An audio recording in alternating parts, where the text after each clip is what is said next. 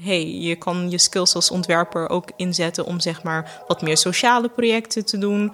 En van daaruit ben ik eigenlijk uh, langzaam aan uh, richting meer duurzaamheid gerold.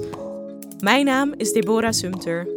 In deze podcast ga ik in gesprek met wetenschappers. Wat gaat er al wel goed en uh, waar lopen ze nog wel tegenaan?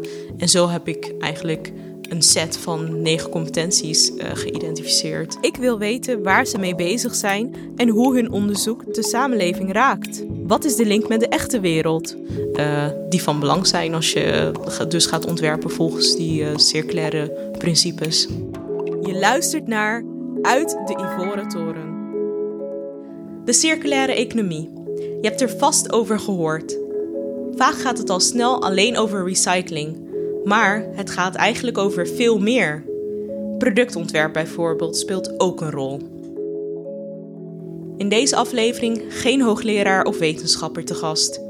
Fenna Plezier, voormalig host van deze podcast, vraagt mij deze keer het hemd van het lijf. Ik heb de afgelopen 4,5 jaar promotieonderzoek gedaan waarin ik keek naar benodigde competenties voor circulair ontwerpen. Mijn naam is Deborah Sumter en vandaag treed ik zelf dus een keer uit de Ivoren Toren. Dank Deborah voor deze uitnodiging. Ik vind het heel leuk om weer eens terug te zijn bij Uit de Ivoren Toren. Uh, zou jij jezelf eerst even willen voorstellen? Uh, ja, zeker. Uh, ik ben Deborah Sumter. Ik werk bij het Leiden Delft Erasmus Center for Sustainability. ik hou me daar eigenlijk vooral bezig met wetenschapscommunicatie. Um, en mijn achtergrond is in industrieel ontwerpen. En ik ben eigenlijk dit jaar gepromoveerd. Ja, wat leuk. En we gaan het ook hebben over je promotieonderzoek. Uh, over de competenties die ontwerpers moeten hebben voor uh, circulair ontwerpen. Ik ben heel erg benieuwd, hoe kom je in deze hoek terecht? Hoe kom je bij zo'n uh, onderwerp terecht? Um, goeie vraag. Ik ben in principe, eigenlijk toen ik studeerde, stu industrieel ontwerpen studeerde, uh, zag ik eigenlijk om me heen eigenlijk allemaal mensen die toch wel bij de grotere bedrijven willen wilden werken en uh, auto's, et cetera. Echt een beetje zeg maar, ja, gewoon in principe de grotere corporates van de wereld. En ik had eigenlijk die ambitie niet. En um, het was een beetje zoeken van, oké, wat wil ik dan wel? En toen deed ik de minor International Entrepreneurship and Development. En van daaruit uh, deed ik eigenlijk een project in Tanzania. En daar heb ik eigenlijk geleerd van, hey, je kan je skills als ontwerper ook inzetten om zeg maar wat meer sociale projecten te doen. En van daaruit ben ik eigenlijk uh, langzaam aan uh, richting meer duurzaamheid gerold. En daar heb ik me eigenlijk ook mee bezig gehouden de rest van mijn studie. Dus projecten in Tanzania, projecten in Indonesië, eigenlijk allemaal van dat soort dingen. En na mijn studie, uh, toen ik mijn master had gehaald, toen was het een beetje zoeken van, oké, ja, wat, wat wil ik nu doen?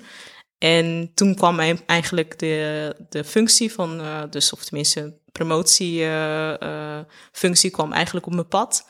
En dat ging over circulaire economie en ontwerpen voor de circulaire economie. En ik vond dat gewoon eigenlijk super interessant, want ik dacht, dit gaat ook in principe over duurzaamheid of bijdragen aan een duurzame wereld. En dat is eigenlijk wie ik ben als persoon en ook als ontwerper. Ja, en uh, nu hoor ik heel vaak dat duurzaamheid en circulaire economie in één adem uh, worden genoemd. Kan je wat meer uitleggen waarom of hoe een circulaire economie dan bijdraagt aan die duurzame wereld? Ja, goede vraag. Ik zal even kort eerst uitleggen wat de circulaire economie is of waar het voor staat. Uh, en dat doe ik wel even aan de hand van een van de producten waar ik naar heb gekeken in mijn onderzoek. dat is een kinderwagen. Uh, ja, dus stel je hebt een kinderwagen, uh, daar zit heel veel energie, materiaal, et cetera in om, om, om die te maken. Uh, en na een aantal jaar eindigt die op de afvalberg. En in principe is dat gewoon zonde, want er is dus veel ja, materiaal, energie, tijd in gegaan om dat product te maken. Dus de circulaire economie zegt van oké, kijk naar hoe je het product nog veel langer kan laten meegaan. of ervoor kan zorgen dat die makkelijk op te lappen is.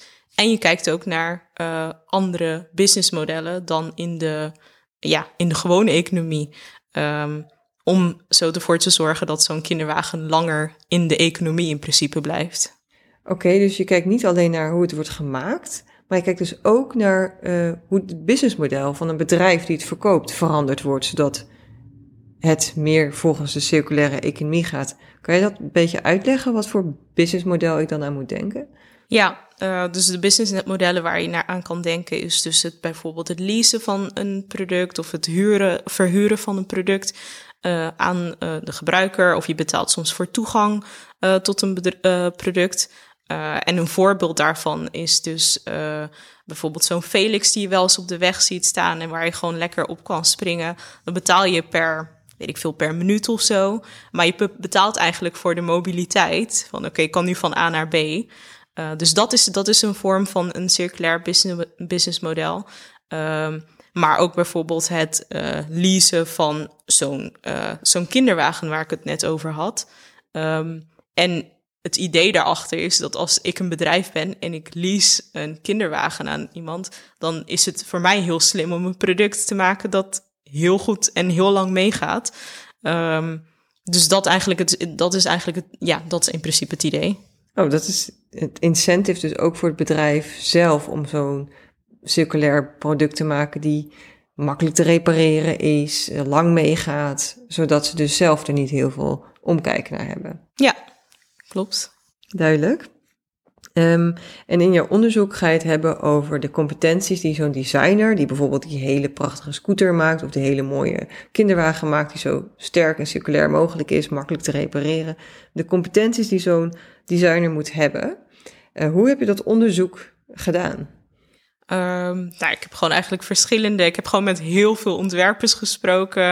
Ik heb een beetje veldwerk gedaan. Uh, ik heb één op één interviews gedaan, focusgroepen. En zo heb ik eigenlijk gewoon geleerd van al die ontwerpers die eigenlijk op hun eigen manier bezig zijn om te, ontwerpers, uh, om, om te ontwerpen volgens die circulaire principes. En daarvan eigenlijk geleerd van oké, wat gaat er al wel goed en uh, waar lopen ze nog wel tegenaan. En zo heb ik eigenlijk een set van negen competenties uh, geïdentificeerd. die van belang zijn als je dus gaat ontwerpen volgens die circulaire principes. En nu ben ik natuurlijk heel erg benieuwd. Wat zijn nu die competenties die een designer moet hebben? Ja, um, het, zijn, ik, het zijn er best wel veel. Het zijn, er dus negen. En ik ga dan niet, niet allemaal uh, uitweiden over alle negen. Want dan zijn we, zitten we hier denk ik nog een heel uur. maar de competenties die het meest, voor mij ook het meest verrassend waren. Of waarvan ik denk van oké, die, die zijn ook echt van belang en nog niet zo goed ontwikkeld bij ontwerpers. Dat, zijn er, dat zijn er twee. Eén is circulair systeemdenken. En dat gaat eigenlijk over als, ontwerp, als ontwerper denk je bijvoorbeeld bij het ontwerpen van een kinderwagen van oké, hij moet mooi zijn, hij moet gebruiksvriendelijk zijn en hij moet uh, uh, ja, gewoon uh, duur, duurzaam zijn in de zin van dat hij gewoon eigenlijk fysiek duurzaam is. Dus dat hij wel tegen een stootje kan. Uh, maar circulair systeemdenken gaat eigenlijk over veel meer. Dus eigenlijk over het nadenken van: oké, waar komen de materialen van uh, daan waarvan het van de kinderwagen is gemaakt? Hoe zit de kinderwagen uiteindelijk in elkaar? Wat voor service heb ik daaromheen nodig, zodat die tussendoor misschien gerepareerd kan worden? Uh, wie ga ik daarbij betrekken? Dus eigenlijk allemaal stukjes uit het systeem, allemaal stukjes die aan elkaar gelinkt zijn en die van belang zijn om zo'n circulair product op de markt te brengen. Um, dat is één. Uh, en een tweede is uh, circular storytelling.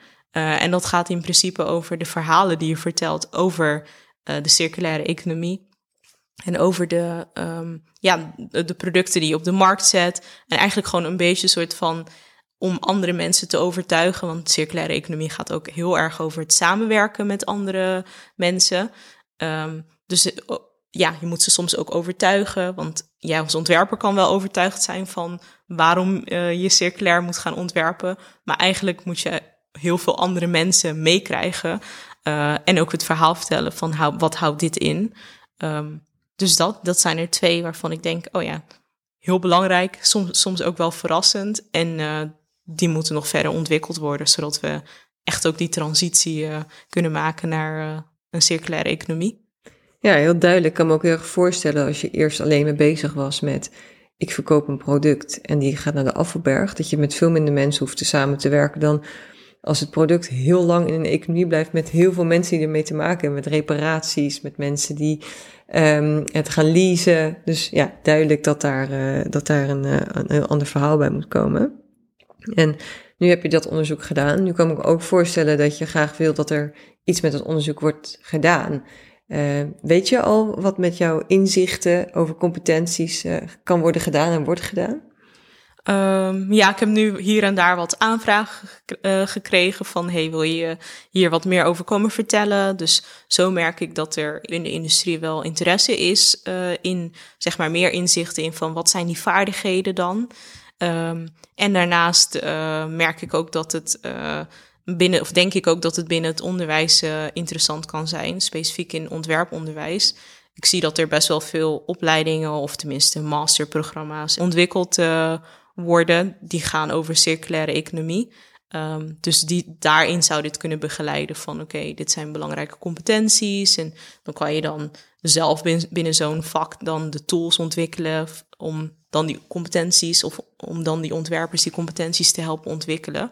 Dus ik zie, ik zie op twee plekken zie ik uh, mogelijkheden. Dus zowel een uh, Philips of een autofabrikant kan jij naar je toe komen om te zeggen, hey, als ik ontwerpers aanneem, wat voor competenties moeten zij doen of wat voor workshop kan ik gaan geven? Zoals op de universiteit, waar we over, waar over programma's worden nagedacht uh, voor studenten. Ja, en waarschijnlijk ga ik ook nog kijken of ik binnen ja, Leiden Delft Erasmus Center for Sustainability ook kan een workshop hierover kan ontwikkelen, omdat wij ook heel erg bezig zijn met onderwijsprogramma's uh, voor de drie universiteiten over circulaire economie te, te ontwikkelen. Dus uh, daar zie ik ook wel een bijdrage.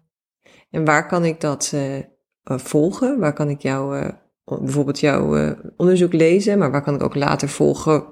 Bijvoorbeeld als jij iets gaat doen over deze workshop?